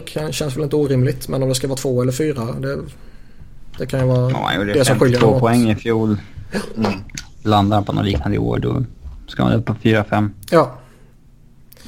Men eh, det intressanta är ju Strome som de direkt slänger in mellan Kane och The Brinkat. Ja, men det ger han bästa möjliga förutsättningar liksom. Nej, men det är ju det superbra. Det är ju... Två, två poäng första matchen. Ja, ja. torsken då. Och jo, men Chicago är ju Chicago numera. Eh, men liksom... Fan, ge han bästa möjliga förutsättningar för att lyckas. För han är, han är ju ingen bast. Men han kommer ju snart bli det. Mm. Om ingenting händer. Jo. Och då... Ja, lite så. Och då släng in honom mellan två av dina bästa spelare poängmaskiner. Fan, han kan ju ta en jävla fart om han har flytt. Så det är ju jävligt intressant av Chicago och eh, helt rätt att sätta in honom där. Så det är mm. cred till dem. Perlini upp i första kedjan med Taves och Saad. Ja, inte supermärkligt heller. Kanske, tycker jag. De, nej, de, alltså, har ju, de har ju inte den bredden i laget. Nej, exakt. Alltså, nej, nej, och det är ju Chicago det. Detta, har ju alltid detta, jobbat lite så att Stålberg spelade ju fan med Taves och skit. Så att, uh, ja. Jo, detta ger dem ju mer bredd. Perlini tycker jag, visst han har vissa spetsegenskaper men han är ju extremt jävla ojämn. Uh, och Strom, Strom har inte funkat helt enkelt. Så jag, mm. det förvånar mig inte att, att man gjorde den här traden heller. Liksom. Det, men det har ju varit så jäkla... Det har varit sjukt kul att se. Återigen så har jag gett mig in på Facebook och kollat kommentarer. Och det är ju liksom... båda liksom, supporterskaran är ju liksom bara ah, fan vad gött, då blev vi av med dem. Eller ah, fan vad gött, då blev vi av med honom. Uh, och liksom för mig är inte det, detta är inte ens en stor trade. Det är liksom Strom, ja, han har ja, inte lyckats. En kille som går fyra i draften som skickas jo. två, tre tours ganska nyligen efter. Det är, det är ändå lite anmärkningsvärt. Kanske. Samtidigt så har han inte, han har inte visat någonting i Arizona att han ska förtjäna en plats i NHL liksom. Strom? Nej, men det är anmärkningsvärt. Mm. Han gjorde det förra året. Hans avslutning förra året var jättefin. Ja, den var okej. Okay. Uh, sen uh, om det räcker för att han ska ha förtjänat en väldigt lång uh, period denna säsongen. Det är en helt annan diskussion. Men förra säsongen så på de sista, vad var det, 10-11 matcherna och sånt där. Var han ju jättebra. Oh. Ingen press överhuvudtaget heller. Så det hjälper ju säkert. Men nu får han... Ja, eller är det skadligt kanske för vissa? Att bara glida omkring och chilla i öknen i Arizona. Det... Alltså, det, det är det man alltid vänder tillbaka till när man pratar Ekman Larsson. Att ja, han trivs så jävla bra där och Det är nog chill som fan där. Spela där. Ingen bryr sig. Ingen press överhuvudtaget. Eh, vissa spelare kanske behöver den utmaningen eh, istället för det avslagna för att ta nästa steg liksom. Säg om Ekman Larsson skulle hamnat i någon av de tuffaste hockeymarknaderna. Han kanske skulle exploderat från att vara en duglig eh, back till att vara en fantastisk back. Mm. Men nu får ju Strom i alla fall eh, bästa möjliga sällskap här så då får vi se ifall det kan bli någonting av honom. Mm. Eller om han bara blir en produkt av Kane helt enkelt. Och det är väl helt okej det också. Nej men det är intressant också. Han har spelat med Brinkat tidigare. Och mm. då blev det ju poäng utav helvete. Oh ja. Och eh, då skadar det ju kanske inte att peta in en poängmaskin av Kanes kaliber heller. Så det, är, Nej, det, det är ju jävligt intressant. Ja. Absolut, absolut. Ja, ska vi ta och glida in på lyssnarfrågorna då? Om jag inte har glömt någonting. Det har jag inte gjort va? Nej. Det har du säkert gjort. Nej då. Som vanligt stort tack till er som har skrivit in. Uh, fråga till podden som Robin inte lär gilla. Nu när Dumba producerar som han gör har inte Wild en väldigt smygbra topp 4? Jag ska faktiskt åka och se ditt älskade Minnesota idag när de spelar mot Columbus. Ja, uh, alltså backsidan. De har alltid haft ett, liksom ett mellanmjölkslag, Minnesota. Uh, aldrig tillräckligt bra för att man liksom ser dem som några hot mot någon cup och en aldrig så pass dåligt heller. En sak man dock ska ge dem beröm för är ju att de faktiskt har sex raka slutspel i Central. Mm. Vilket är... Eh, nu visst, nu tog man aldrig sig förbi andra rundan sådär. Men det är ändå... Det ska man ha en klapp på axeln för. Mm. Nej men Ryan Suder, Dumba, Spurgeon och Brodin är en bra fyra. Ja. Du tar ganska mycket pengar för den fyran men det är en bra fyra. Oh. Tack för det svaret Robin. Eh, vi snackade ju om Cam Talbot där. Eh, Niklas, den är ju riktad till dig. Där hade du gått efter honom och vad hade du gett i utbyte? Så säg att du skulle gå efter honom. Vad, vad är ett rimligt utbyte i din mening? Vad fan var det han kostade när de gick efter honom? Kan det ha varit typ en first rounder och second rounder eller sånt där? Det kommer jag inte ihåg. Ja, det borde du göra. Nej, så, så mycket gillar jag inte Cam Talbot alltså. Eh, ska se här vad... Eller kan det ha varit två second rounders eller något sånt där? Jag minns fan inte. Nu ska vi se. Tre draft picks. Mm. Uh, Talbot och Hagelin var det ju... Ska vi se, ska vi se, ska vi se. The Oilers have acquired goalie Cam Talbot and pick 209 from New York Rangers in exchange for picks 57, 79 och eh, uh, 184. Så vad blir det? Second round, the third rounder och någonting. Um, och priset kanske är mer än så nu. Mm. Jag ser då de, skickade Talbot och Hagge samma dag där. Mm. Det är ju... Jag vet inte fan om jag vill gå efter honom. Eh, jag är inte toksåld på honom så att säga. Jag eh, tror att man kan hitta någon likvärdig målvakt för ett billigare pris. Men om man bara vill ha en eh, relativt pålitlig stopgap säsongen ut typ. Så är väl han ett vettigt alternativ. Jag skulle vara jävligt skeptisk till att signa upp honom long term. Som jag sa tidigare med tanke på att Carter Hart är på väg och vi har ytterligare några, några unga målvakter på väg så vill man ju inte eh, stänga dörren med ett långt kontrakt på en alltså OK målvakt. Det är en sak att göra det på en fantastisk målvakt. Säg att man lyckas gå efter Bobrovski eller någonting. Antingen via trade eller free agent eller allt sånt där. Då är det väl kanske en annan diskussion. Men mm. eh, en OK målvakt sådär vill jag inte betala mycket för att gå efter och jag vill inte eh, signa upp honom framför allt. Sen, Nej, det behövs det, argument. sen behövs det ju rimligtvis en, en målvakt denna säsongen. Eh, men jag tror inte att det är en superfantastisk målvakt som behöver petas in. Kan få Peter Budaj. Ja, man behöver kanske bättre än så i och för sig. Ja, Quick är ju tillbaka från IR nu. Mm, för det var ju snack han skulle vara borta hela säsongen så det gick ju Ja. kvickt som fan. Ja, frågan är ifall det gått för fort och att han kommer bli skadad igen. Ja. Eh, nej, alltså, det, men det är ju samma sak här. Alltså, ljusglimtar för Kings. Nu cirklar vi tillbaka till dem. Men jag menar, Cal Peterson har gjort det skitbra. Det är jättekul att se honom. Och sen liksom Matt Luff, Luffan som han kallas. Men jag menar att det är dina två ljusglimtar. Det, det visar ju också på hur jävla illa det har gått så här långt. Ehm, jag glömde faktiskt en grej. Från körschemat. Och det är att St. Louis ska vara open for business. Man är ju lika, lika kassa som LA poängmässigt sett. 19 inspelade poäng. Och då fattar ni hur jävla dålig man är Mm. när man är LA-klass. Ja.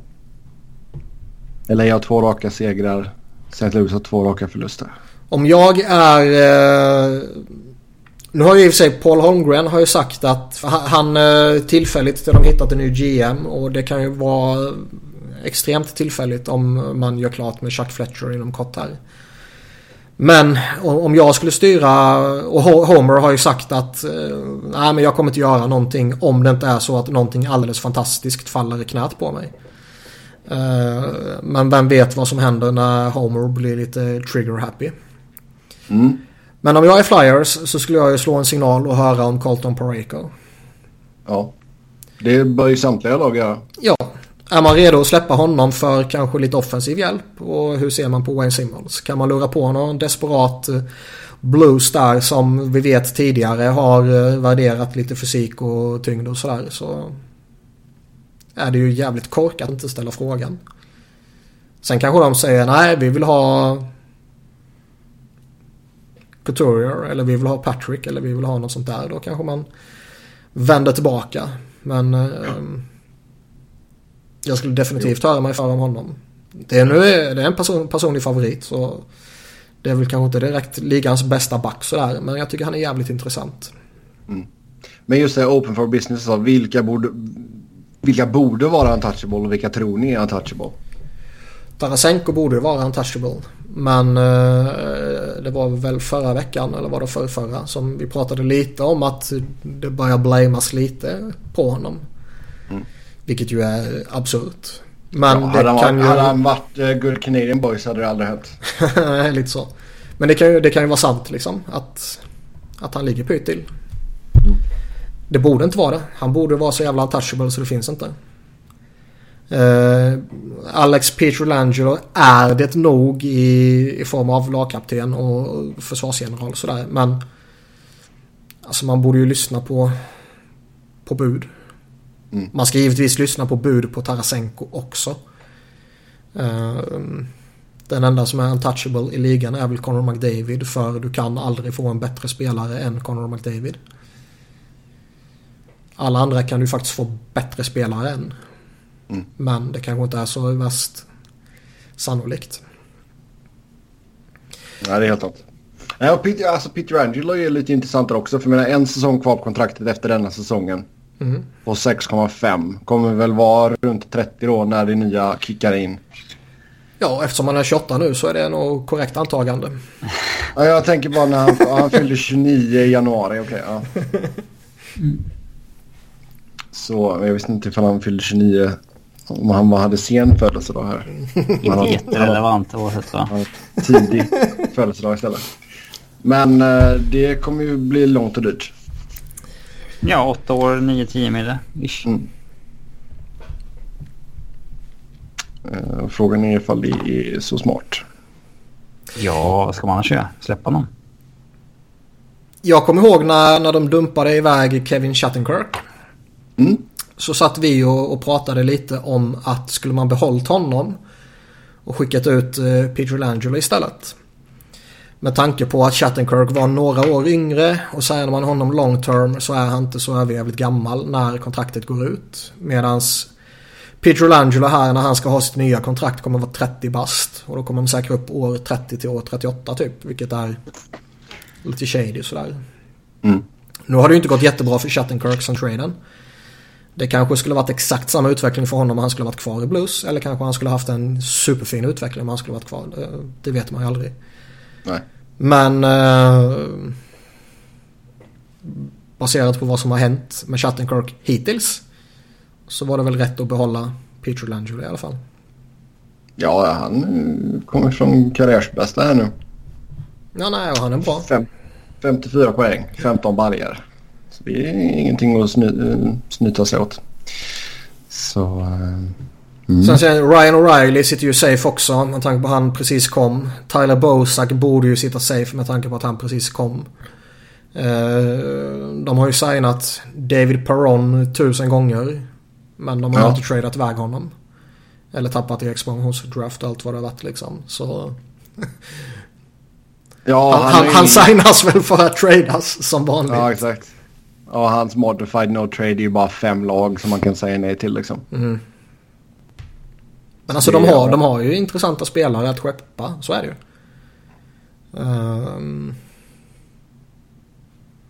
men... ehm, alltså, jag, jag, sen tycker jag ju de vore dumma om de släpper en sån som Pareko. Beroende på utbyte givetvis. Jo. Men... ehm, det är ju de dåliga... G, det är ju ligans dåliga GMs man ska slå en signal till. Det vill säga Chiarelli och Bergevin och det gänget. Det är ju också ligans desperata GMs. Som man ska slå en signal till. Där... Eh, ja, absolut. Nej, men där Blues eh, borde ju rimligtvis vara lite smådesperata kan man tycka. Ja.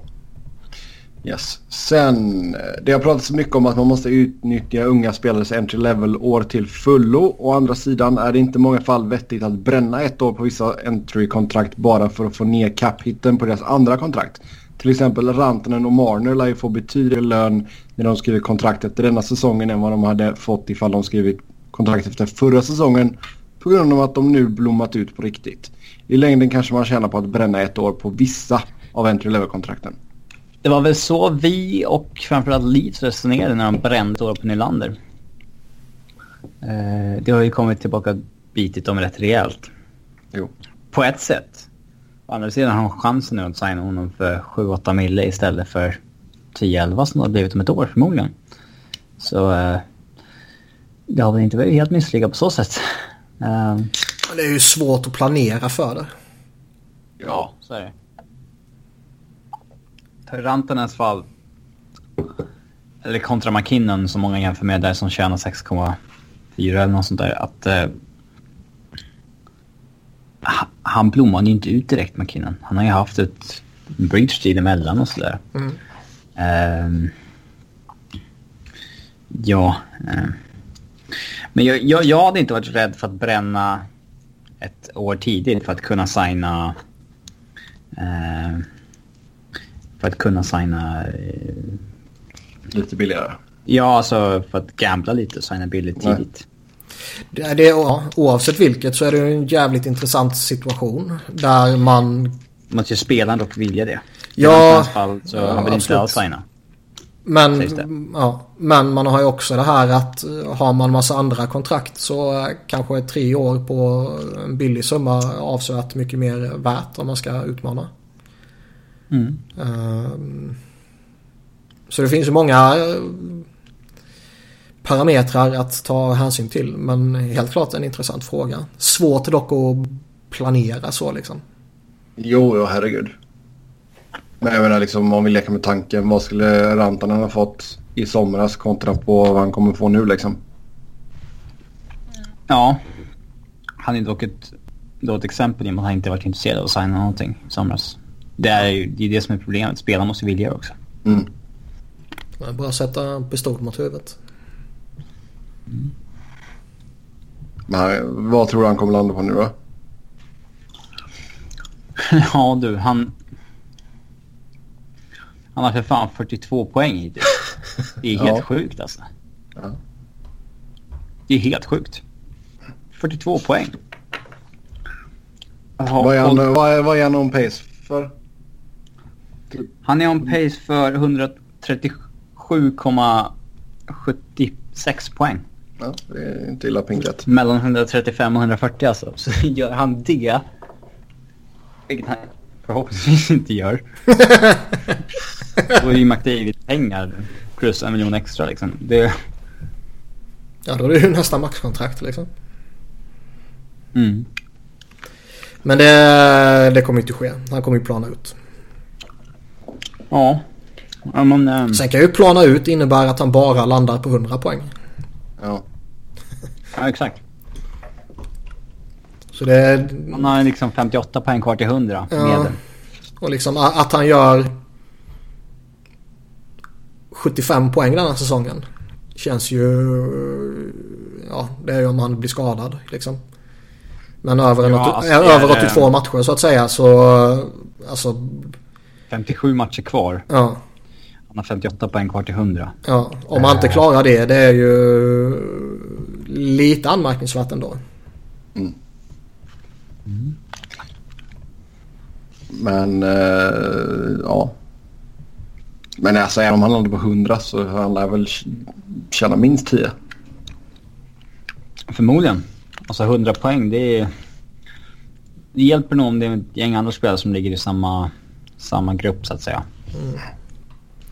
Det är svårt för Avs också att komma med argumentationen att ingen spelare ska tjäna mer än McKinnon. Mm. När han ligger på 6,3. Säg att han skulle legat på 8,3. Då kanske man skulle kunna slänga upp det och vara lite snikna sådär. Men nu går det ju inte. Nej. Nej man kan inte gömma sig bakom att man har århundradets deal med, med McKinnon. typ.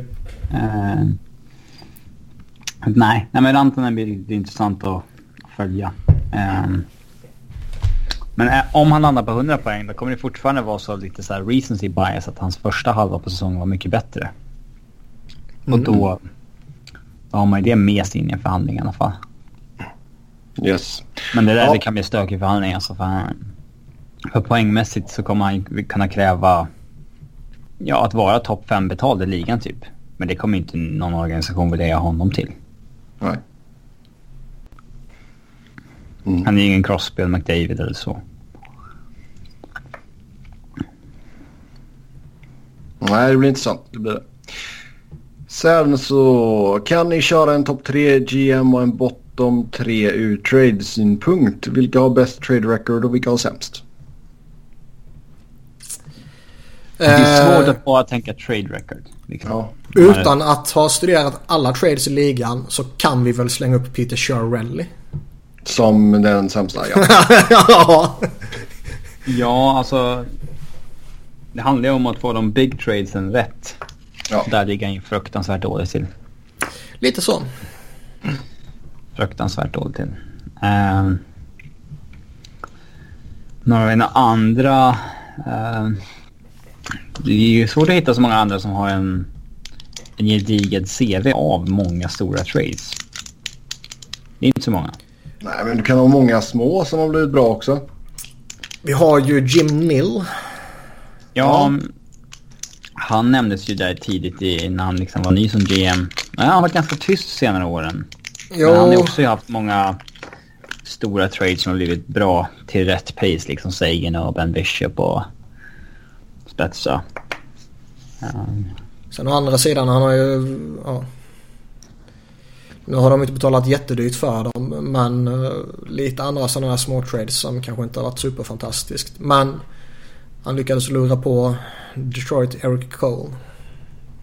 Mm. Bara det borde göra honom till den bästa. Och fick second rounder och Janmark och grejer för honom. Mm. Ja. Och Cole var liksom sämst i ligan typ. Mm. Men jag tycker han, eh, visst det var några år sedan men det var ändå Tyler Seguin, Jason Spetsa. Eh, Köp. Det är ändå så pass fint att han förtjänar att nämnas. Ja, sen... Uh, tänkte jag på David Poyle. Mm. Han är inte riktigt en styrka att han tradar till sig de stora pusselbitarna. Mm. Uh, det är lite så här... trades och GMs, det är ju... En bra GM behöver inte trada. Typ så. Som en, en bra målvakt behöver inte kasta sig. Typ så. Fotbollsmålvakt alltså. Ja, eller... Eller hockeymålvakt också för den delen. Desperation, desperation saves-grejen. Mm. David Poyle känns som en sån GM som... Sköter man sitt draftande och sitt kontraktsbyggande och så vidare så kommer man inte behöva draft, eller trada i samma utsträckning. Nej. Um, men det han har gjort på trademarknaden tycker jag ändå har varit imponerande också. Uh, Vad tycker vi Ryan, om- Ryan Johansson och Kyle Turris som man fick in billigt och Forsberg-traden för helvete liksom. Och, ehm, Men där jag fick han ju lagt i, i på silverfat där. ja, det vet jag inte. Det gick till. Ja. Den förhandlingen. Ja, Vad tycker vi om- Jag vill bara flika in här med eh, ett eh, quote från Mike Babcock. Mhm. Uh, we think Willie is going to be here and we think Willie is going to be here a long time. We think Willie's going to be a career leaf. Så eh, ja, det motsäger ju allt vad Elliot Friedman sa. Så får vi se vem som har rätt. Mike Babcock eller Elliot Friedman. Men vad, vad tycker vi om eh, Jim Rutherford? Och då snackar jag alltså Pittsburgh-tiden. Mm. En Eh, hemsida där man kan rangordna trades per GM så att säga. Ja, NHL Trades, Trade trades Tracker. by GM. NLTradeTracker.com. Uh, ska vi se. Ja, men han gjorde ändå James Neal liksom. Uh, där han fick in... Att, att skicka James Neal var väl inget särskilt. För att få in Hörnqvist. Nej, de får ingen Hörnqvist Sparling. Den är ju inte något dåligt liksom. Det är en even trade, inget så här... Ja. Nej, ja, fair enough. Even då. Uh, Kessel snarare än... Kessel är en bra... Jag tycker det var bra att plocka in, visst det ligger mot en first round av David Perron. Sen lyfte det väl inte som super sådär liksom. Han har gjort några sådana här små grejer som ändå varit rätt vettiga. Han fick in Nick Bonino och en second rounder mot att skicka Brandon Sutter till Vancouver liksom. Han skickade Eh, ett första rundsval för Ryan Reeves. In, ing, ingen är perfekt. Men uh, skicka iväg Rob Scudero och få in Trevor Daley liksom. Inte för att Daley var något superfantastiskt när han kom in men det var en uppgradering där ju. Mm. Ehm, Ja, Scudero var trött på slutet där alltså jag plockade in Justin Schultz som ändå eh, kom till sin rätta i Pittsburgh ju. Gav inte upp något speciellt för honom. Ehm, vad har vi mer? Vi har eh, uh, Derek Brassard här senast var väl ändå en, en rimlig trade så med tanke på allt som involverades. Ehm, sen visst den var... eh, Den ger bort Conor Sherry för ingenting i princip. Det är, det är väl inte så jävla bra.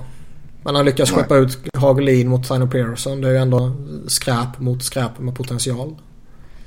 Jag tycker Och han har byggt att, två eh, raka kupper.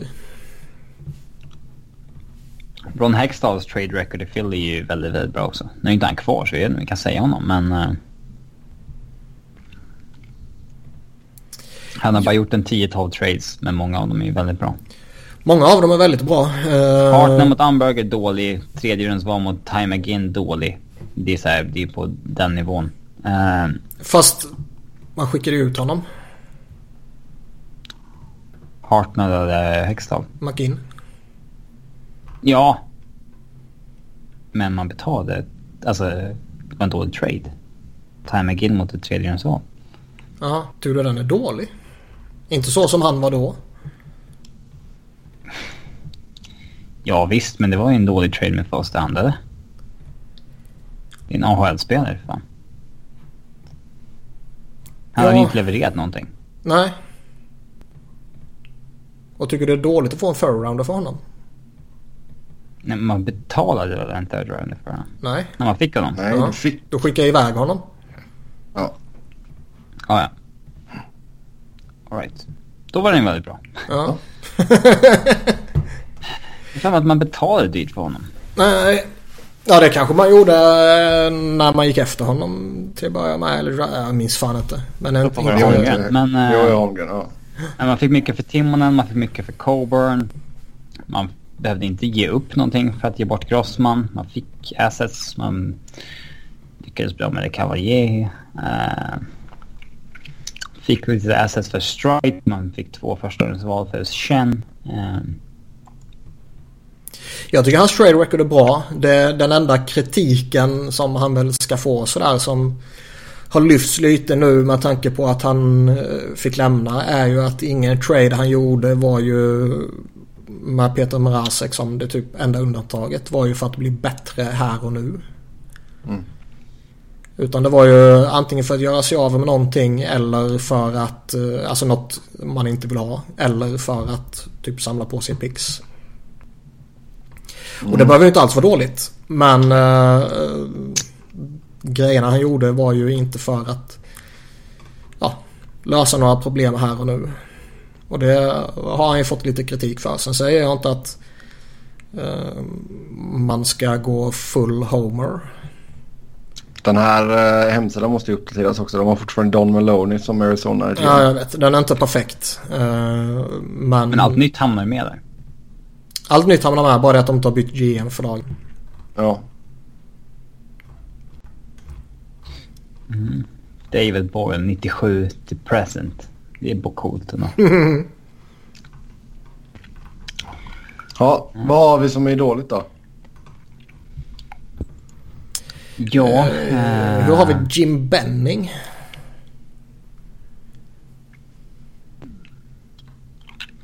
Han fick inte ett skit för Thomas Warneck.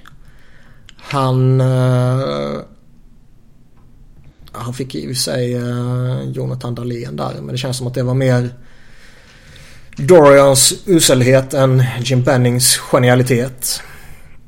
Han gick efter Eric Goodbranson och betalade relativt dyrt för det. Han, vad har han mer gjort? Bonino Sutter-traden känns ju jävligt sådär Cassian mot Brandon Prust. Så framförallt han gick mycket tråkigt tycker jag. Uh. Mot Forsling känns väl sådär. Nej, det var inte mycket roligt. Ken Holland har väl ett average trade facit med mycket annat som inte är så bra där på sistone. Um, han har väl många dåliga trades och många bra också. Mm. Och han har ju några bra liksom. Framförallt är det, det är svårt lite och det är väl David Poyle också egentligen även om det inte är. Men det är liksom svårt med någon som har suttit så helvetes lång tid. För man kommer ju oundvikligen ha riktigt dåliga grejer och riktigt bra grejer. Mm. Uh, alla GMs gör misstag, så är det ju. Frågan är ju bara som, som Robin sa i början här att du, du behöver sätta de stora grejerna. De riktigt avgörande grejerna behöver du sätta. Jo, exakt. Jo, fast du ser så typ Brian McLellan. Han har inte gjort så jävla mycket. Nej. Det... Men visst, han fick TJ Oshie för ett bra pris. Ja, men långt utav helvete. Mm. Men det kanske de skiter i när de fick sin cup. Ja, det tror jag. Jag menar, Ch Chattenkirk var väl inte överdrivet dyr kanske. Det var mest att det inte slog väl ut. Mm. Vad, hur ser vi på uh, McPhee? Ja. Gå efter Pacioretty, ger upp uh, second round och Suzuki Tatar. Pacioretty har uh, inte varit bra. Man betalade jättedyrt för att få Thomas Tatar till att börja med. Um, vad gjorde man mer? Um, Men vi har redan, vi har ju redan slått fast att han är dålig, eller? Jo, men ändå. Allt kring draften är väldigt svårt att uh, liksom... Ska man det, säga. det, kan man credda honom för det liksom? För där fick Svårt de att lite utvärdera bra allt.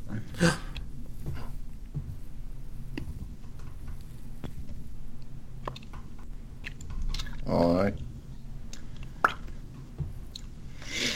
Ja, jag tror vi släpper den. Bob Murray.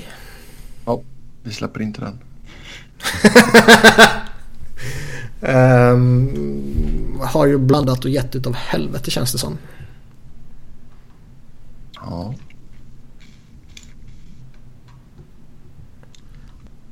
Har Också vi- suttit, också suttit väldigt länge. Ja, tio år bara. Det är inte bara. Nja, det beror på vem man jämför med. Det är bara halva tiden jämfört med vissa. Dubbelt så långt som andra. Jo, men jag tänkte säga han är väl en... Han är nog en, en av dem som har suttit längst, absolut. Men tio år för en GM. Eh, nog för att det känns långt och nog för att jag inte har en blekaste jävla aning om vad snittet är. Men det känns ju inte chockerande långt. Eller? Nej, jag vet inte exakt heller. Men han, har suttit, han är en av dem som har suttit längst. Det är en intressant fråga i och för sig. Hur, hur länge ska man sitta på en GM? Ja du. Så länge det inte är en total jävla sopa givetvis. Jo. Men du, när vi snackar bra förresten. Dog Wilson måste väl nämnas? Ja, Steve Eisenman ska väl nämnas också. Även om han inte är kvar.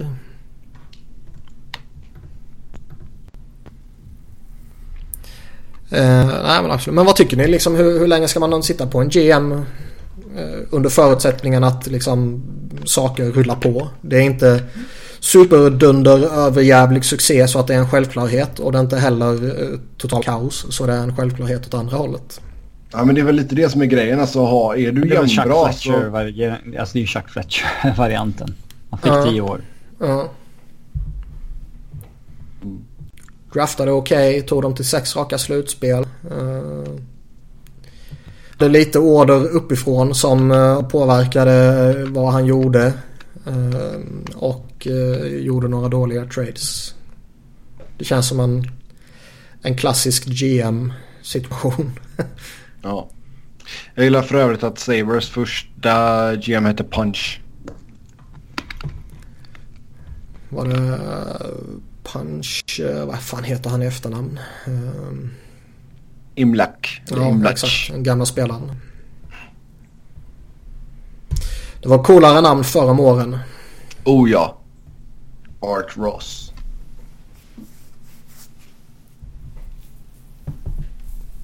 Mm, nu släpper vi den. Och så har vi sista frågan här för idag. Är Dustin Brown tillbaka nu och kommer leva upp till sitt kontrakt? Fem poäng på fem matcher inkluderat ett hattrick.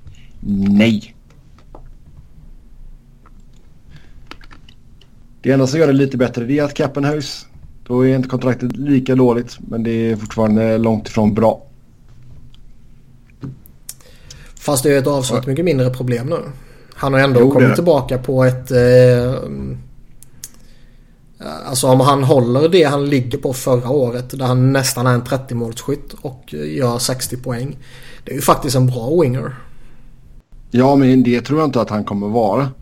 Det är det som är problemet. Jag tror inte... Jag tror att det Frågan var var... ju om han håller i det så är han ju bra. Ja, Ja, och jag menar han ligger ju nästan point per game nu. Visst han missar några matcher där på grund av skada. Och Med 12 poäng på 14 matcher om han håller det snittet så då kan du inte sitta och klaga på honom. jag tror fjolåret var sista dödsryckningen. Det kan det absolut Men- ha varit. Men eh, Ja, det här året har ju fortsatt inom något liknande. Nej, jag har jättegärna fel, men jag eh, tror inte han kommer... Fan jävla ovärdigt att jag sitter här och försvarar Dustin Brown när du ifrågasätter honom. Ja, Jag får gå och duscha när vi är klara här. Jag känner mig riktigt jävla smutsig. ja. Nej, så vi får la se.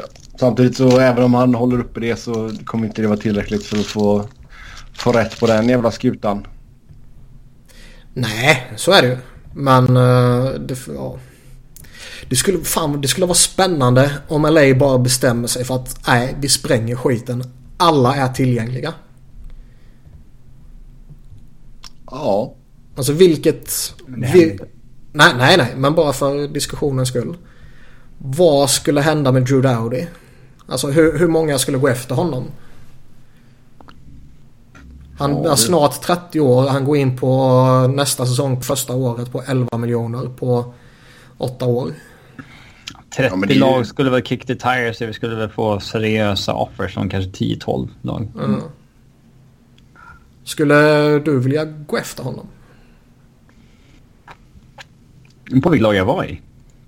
Ja, Det beror på vilket lag jag är GM för. ja med, med Avs såklart. Menar jag. Nej, inte så länge Eric, Eric Johnson och Barry signade på högersidan och sådär. Så att, nej, det skulle jag inte. Skulle väl höra vad de ville ha såklart. Men Jo, givetvis. Annars gör man väl inte sitt jobb, typ. Nej. Det är liksom Men, när Homer, eh, Homer får ju oförtjänt mycket skit eh, under, från hans förra GM.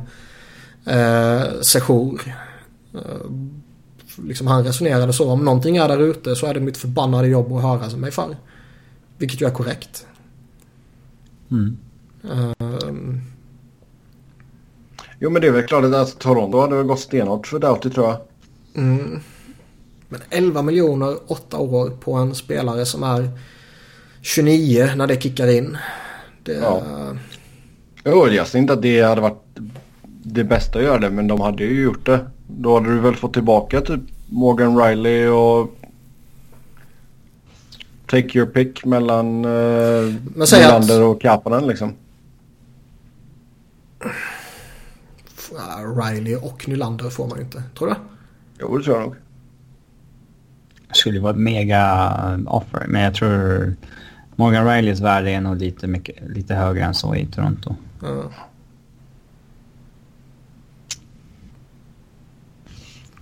Tror du Jag LA går efter Nylander nu eller? Det har ju ryktats lite så. Ja, det hade varit kul om de gjorde det. Det hade ju behövts faktiskt. Vad kan Det jag Leafs vilja haft, ha? haft någonting emot. Men frågan är vad, ja, vad ska man ge upp där då?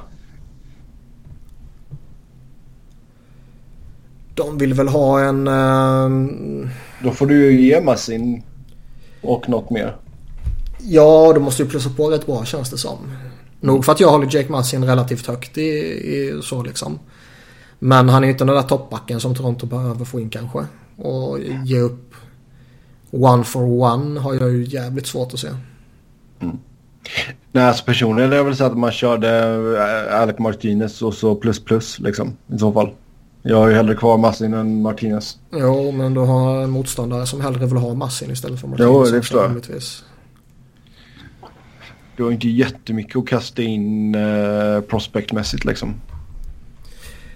Nej, och Villar det vill man väl inte släppa. Det är ju typ den Nej. enda spelaren för framtiden man har tillsammans med den här jävla finnen. Mm. Eh, Kopari. Och så luffan här nu. Jo. Nej, så det... Det skulle vara om du tycker. Ja, säg att du får skicka Massin och så något mellanprospect, typ Wagner och sen ett högt draftval. Men då behöver du samtidigt ha det eh, Lottery Protected och grejer. Oh ja. Det dödar hela värdet på picket.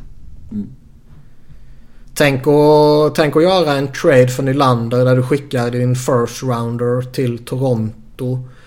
Och inte gör en lottery protected och det blir första valet. Och Toronto Ja, kan peta in fucking jävla Jack Hughes.